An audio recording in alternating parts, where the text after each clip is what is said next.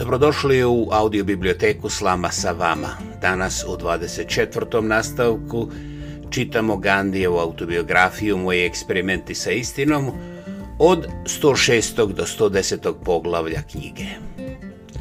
106. poglavlje je naslovljeno sa domađa Satyagraha. Moje prvo iskustvo života u zatvoru odigralo se 1908 uvidio sam da su neka od pravila koja, kojih zatvorenici moraju da se pridržavaju takva, kao kad bi se dobrovoljno pridržavali života bramačarije, to jest onoga ko želi da upražnjava samo obuzdavanje.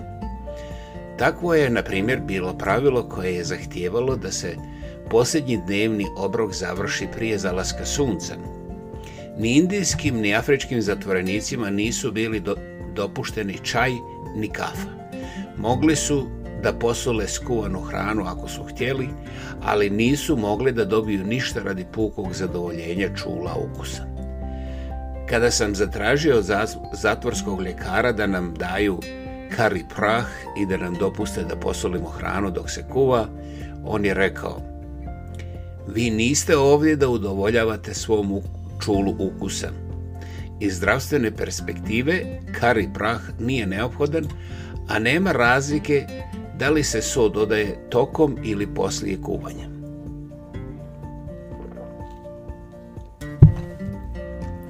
Na kraju su ta ograničenja izmijenjena, mada ne bez mnogo teškoća, ali su oba predstavljala zdrava pravila samoobuzdavanja.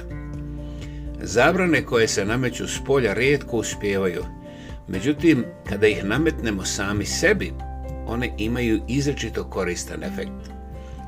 I tako, odmah nakon što sam pušten iz zatvora, nametnuo sam sebi ta dva pravila. Onoliko koliko je to tada bilo moguće, prestao sam da pijem čaj i završio bih posljednji dnevni obrok prije zalaska sunca. Danas mi ne treba nikakav napor da se pridržavam te dvije stvari.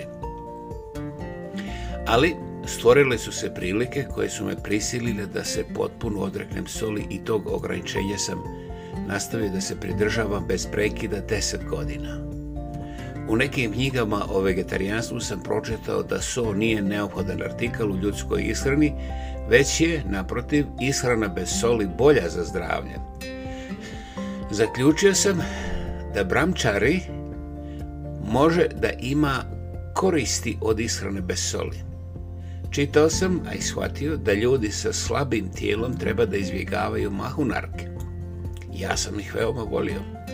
E sad, desilo, je, desilo se da je Kastorbaji, koja je nakon operacije imala kratak period predaha, opet počela da dobija krvalje, krvavljenja i izgledalo je da je to oboljenje uporno. Hipokratski tretmani sami po sebi nisu bili rješenjem. Ona nije mnogo vjerovala u moje lijekove, mada im se nije protivila. Svakako da nije tražila pomoć s polja. I zato, kada nijedan od mojih lijekova nije uspio, zamolio sam je da se odrekne soli i mahunarki. Nije se slagala, makoliko da sam je molio, potkrepljujući moje mišljenje mišljenjima autoriteta. Na kraju mi se suprostavila rekavši mi da čak nija ne bih mogao da se odreknem tih stvari, kada bi mi se to savjetovalo. To me zaboljelo, ali sam istovremeno bio ushićen. Ushićen zato što sam dobio priliku da je obaspem mojom ljubavlju. Rekao sam joj, varaš se. Da sam bolestan, pa da mi ljekar posavjetuje da se odreknem tih ili bilo kojih drugih namirnica, bez oklevanja bih to učinio. Ali, gledaj, bez ikakvog medicinskog savjeta odričem se soli i mahunarki na jednu godinu, bilo da ti to učiniš ili ne. Bila je potpuno šokirana i uzviknula je duboko žaleći. Molim te da mi oprostiš. Pošto te poznajem, nije trebalo da te provociram. Obećavam da ću se uzdržavati od tih stvari, ali za Boga miloga povuci svoj zavjet. To mi je previše. Veoma je dobro što ćeš izostaviti te namirnice. Ni najmanje ne sumnjam da će ti biti bolje bez njih. Što se mene tiče, ne mogu da povučem zavet koji sam ozbiljno dao. A to će mi sigurno koristiti jer je svako samoobuzdavanje šta god da mu je povod zdravo za čovjeka. Zato ćeš mi dopustiti. To će biti proba za mene, a moralna podrška za tebe da straješ u svojoj odluci. I tako me je pustila. Suviše se tvrdoglav. Nećeš da slušaš nikoga, reče ona i potraži olakšanje u suzama. Voleo bih da ovaj događaj spomenem kao jedan primjer grahe i to je jedna od najslađih uspomena u mom životu. Nakon toga je stanje Kastorba i počelo da se popravlja brzo. Bilo da je to došlo kao posljedica Israne bez soli i mahunarki ili drugih promjena u njenoj Israni, bilo kao rezultat moje stroge budnosti i upredržavanju ostalih pravila života, bilo kao posljedica mentalnog poticaja koji joj je dao taj događaj. Kako je zaista bilo i u kojoj mjeri, to ne mogu da kažem. Ali ona se oporavljala brzo, krvarenja su potpuno prestala, a ja sam nešto malo poboljšao svoju reputaciju lekara. Što se mene tiče, bilo mi je još bolje zbog novih odricanja. Nikad nisam žudio za stvarima koji sam se odrekao. Godine su prolazile i uviđao sam da su moja čula pokornija nego ikada. Taj eksperiment je podstakao moju sklonost ka samoograničavanju. Na kraju sam se vratio u Indiju. Samo jednom sam konzumirao te dvije namirnice dok sam boravio u Londonu 914. Ali o toj zgodi i o tome kako sam ponovo konzumirao obe te stvari pričat ću u narednim poglavljima. Ponovio sam taj eksperiment sa ishranom bez soli i mahunarki na mnogim mojim saradnicima i to sa dobrim rezultatima u Južnoj Africi. Medicinski gledano postoje dva mišljenja o vrijednosti takve ishrane, ali moralno nemam sumnje da je svako odricanje dobro za duše. Ishrana čovjeka koji obuzdava sebe mora biti drugačija od ishrane čovjeka koji se prepušta zadovoljstvima baš kao i što njihovi načini života moraju biti različiti.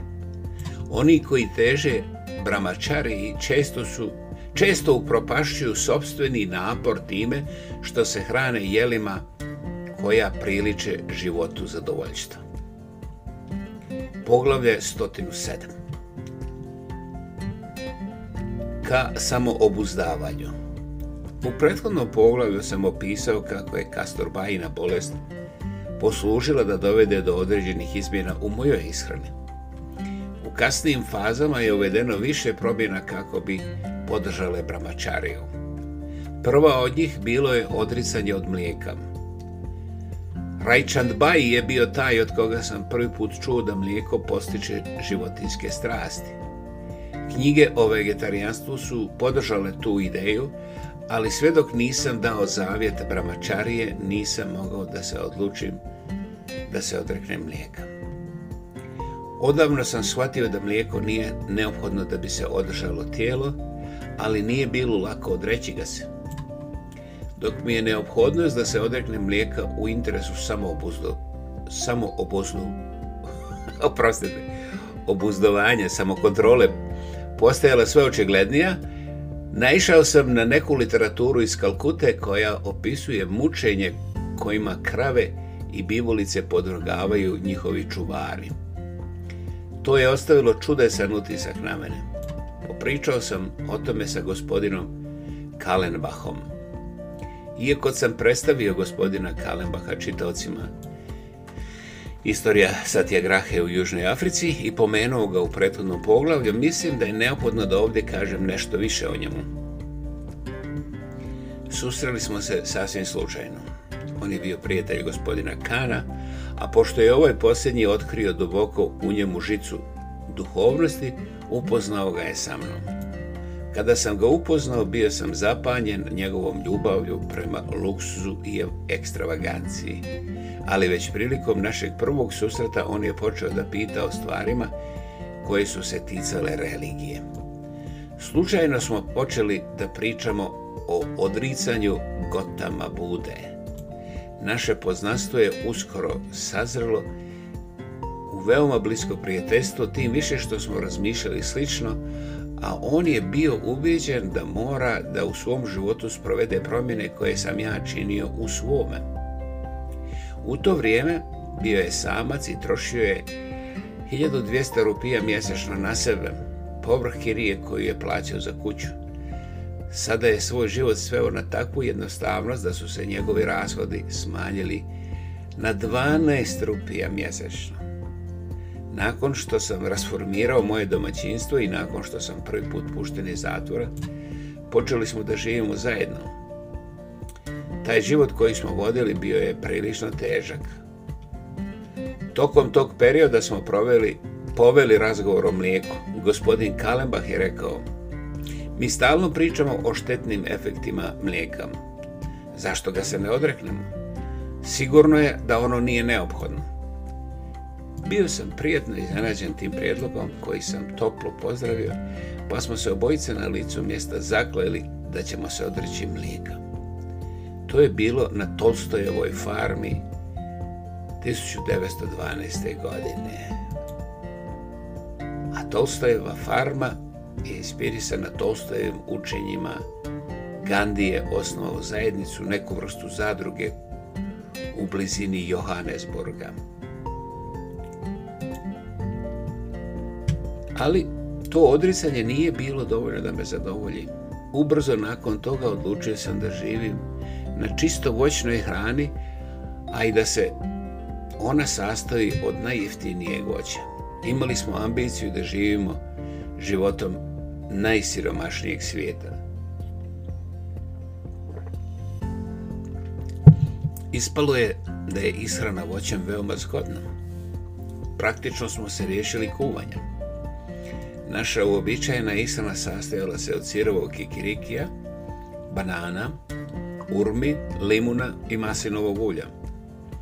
Ovdje moram da upozorim one koje teže bramačariji.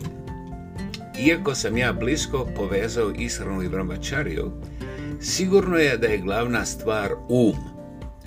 Um koji je svjesno nečist ne može da se pročisti postom. Ponovit ću Um koji je svjesno nečist ne može se pročistiti postom. Promjene u ishrani ne djeluju na njega. Pohotljivost uma može se iskorijeniti samo intenzivnim preispitivanjem sebe, predajom Bogu i na kraju milošću. Međutim, postoji bliska veza između uma i tijela, a pohotni um uvijek žudi za delikatesima i luksuzom. Da bi se otklonila ta sklonost, izgleda da su neophodna ograničenja u ishrani i post. Puhotljiv um, umjesto da kontroliše čula, postaje njihov rob, pa su zato tijelu uvijek potrebni čista, nestimulativna hrana i periodični post.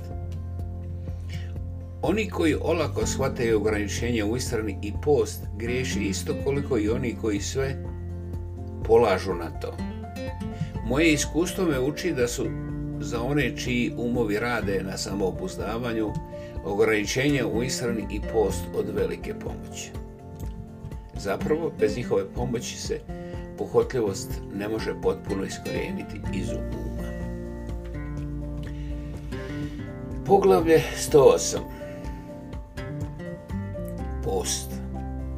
Baš negdje u to vrijeme kada sam se odrekao mlijeka i žitarica, i započeo eksperiment sa hran, ishranom voćem, započeo sam i sa postom kao sredstvom samoobuzdavanja. Gospodin Kalembach mi se pridružio i u tome. Imao sam običaj i dotad povremeno postiti, mada iz čisto zdravstvenih razloga. Da je post neophodna radi uzdržavanja naučio sam od jednog prijatelja.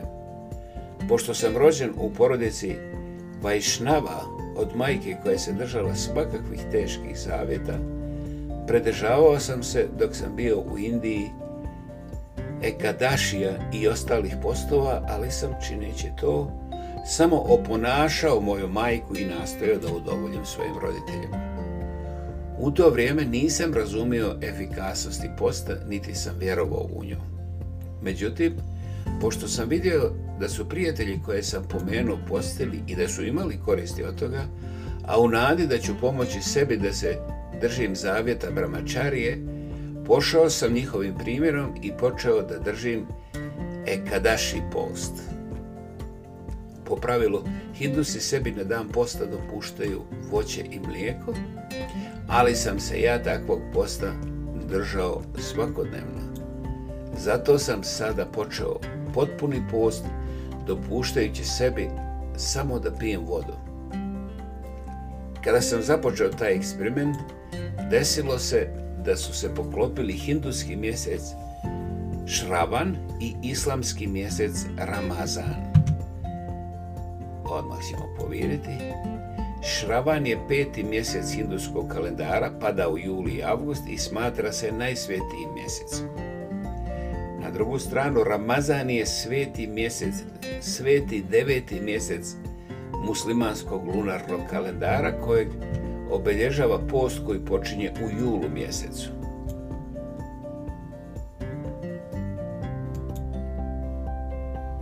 Gandijevi se nisu držali samo zaveta Vajšnava, već i šivaista, pa su posjećivali šavističke kao i vajšnavske hramove.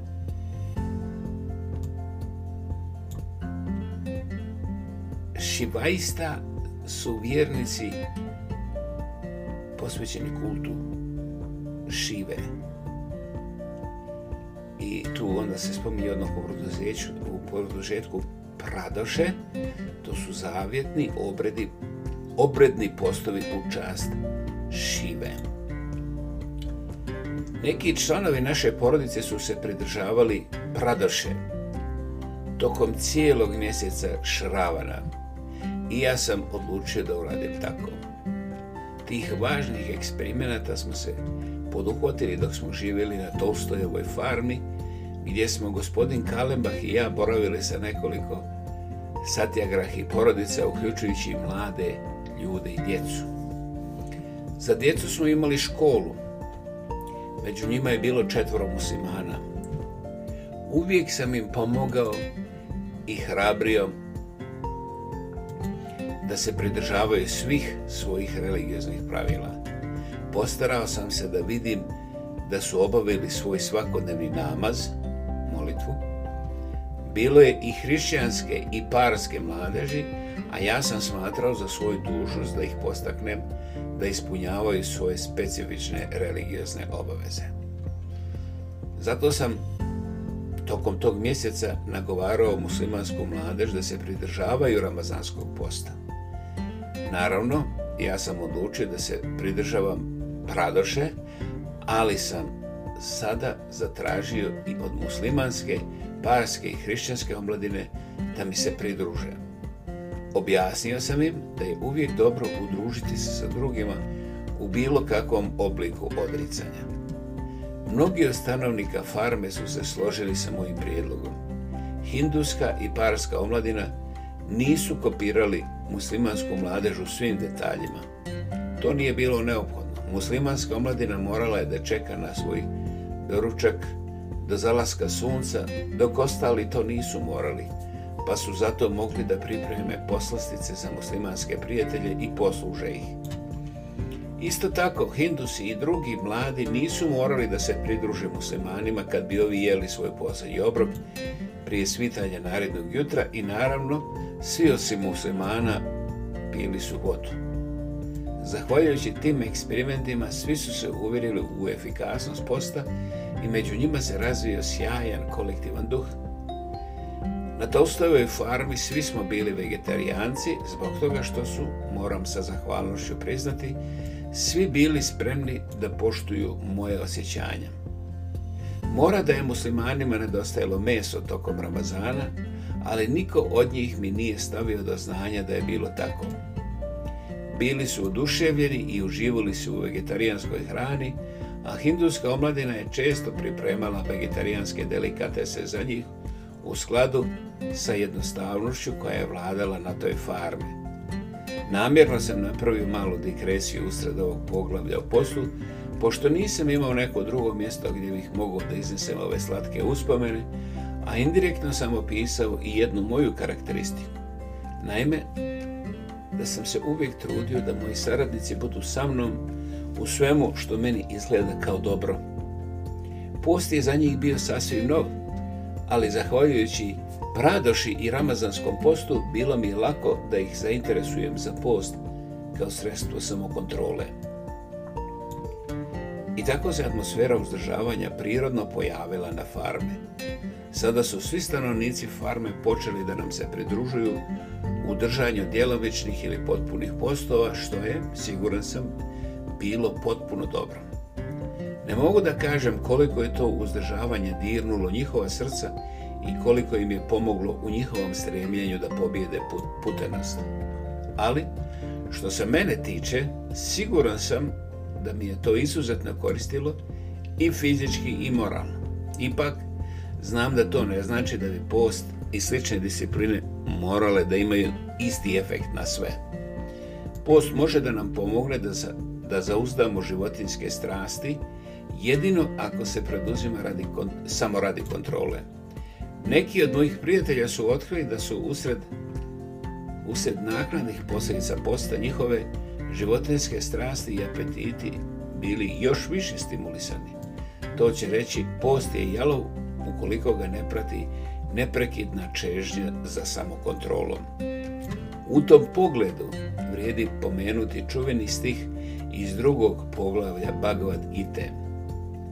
Za čovjeka koji ispošćuje svoje čula s polja, čulni objekti nestaju ostavljajući za sobom žudnju, ali kad on ugleda najviše, čak i žudnja nestaje.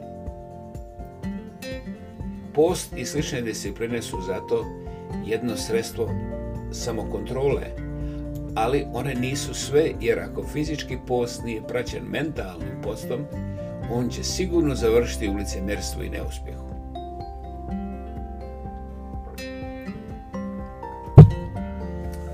Poglavlje 109. Kao školski učitelj.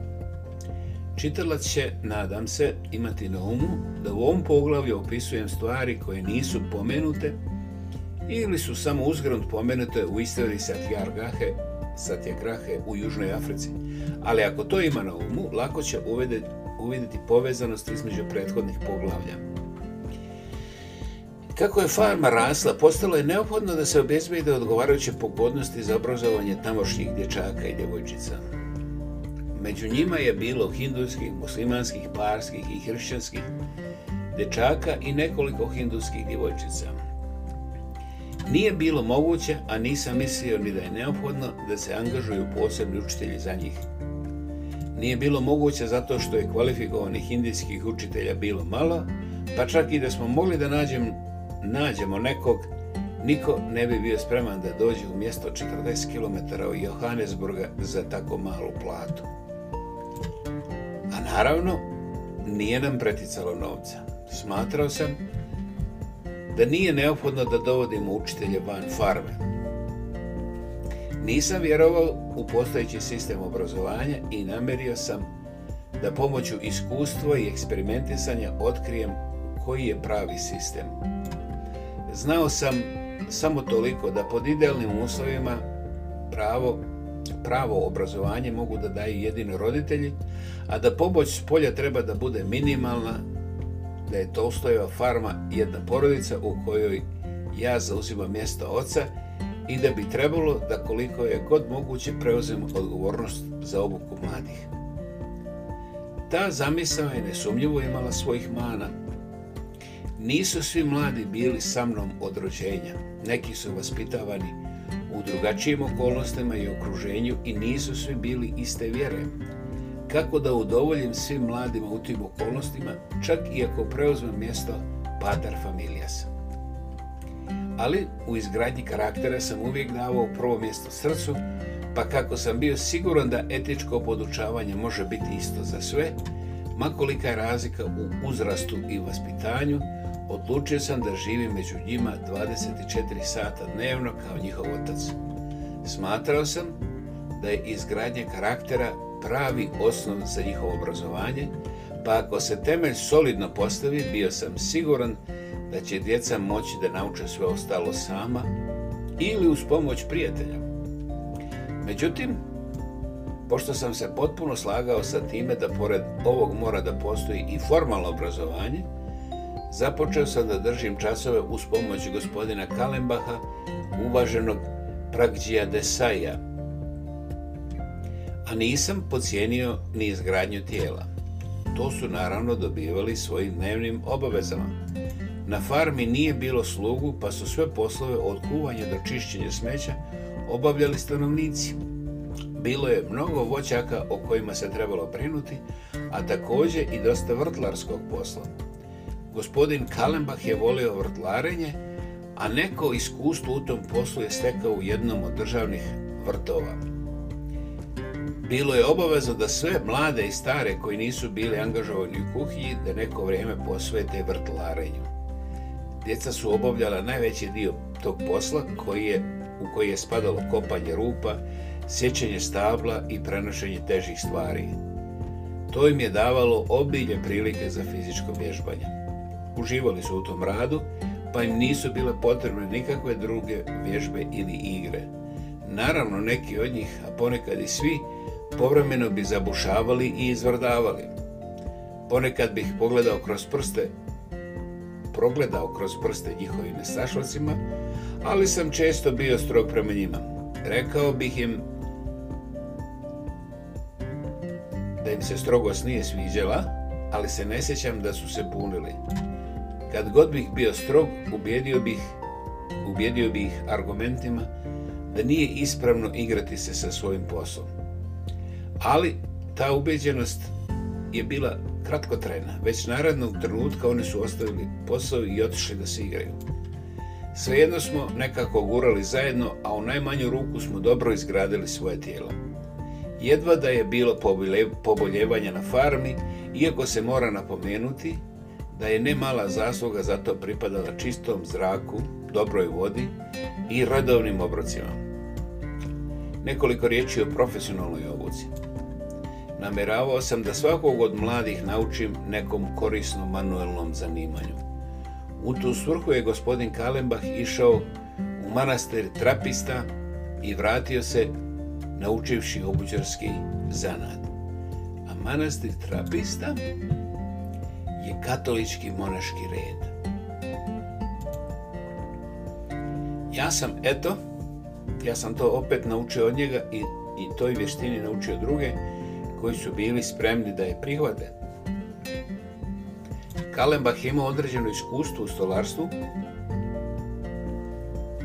a bio je još jedan nasljednik farme koji je to znao, naseljenik farme koji je to znao, pa smo imali malu školu stolarstva.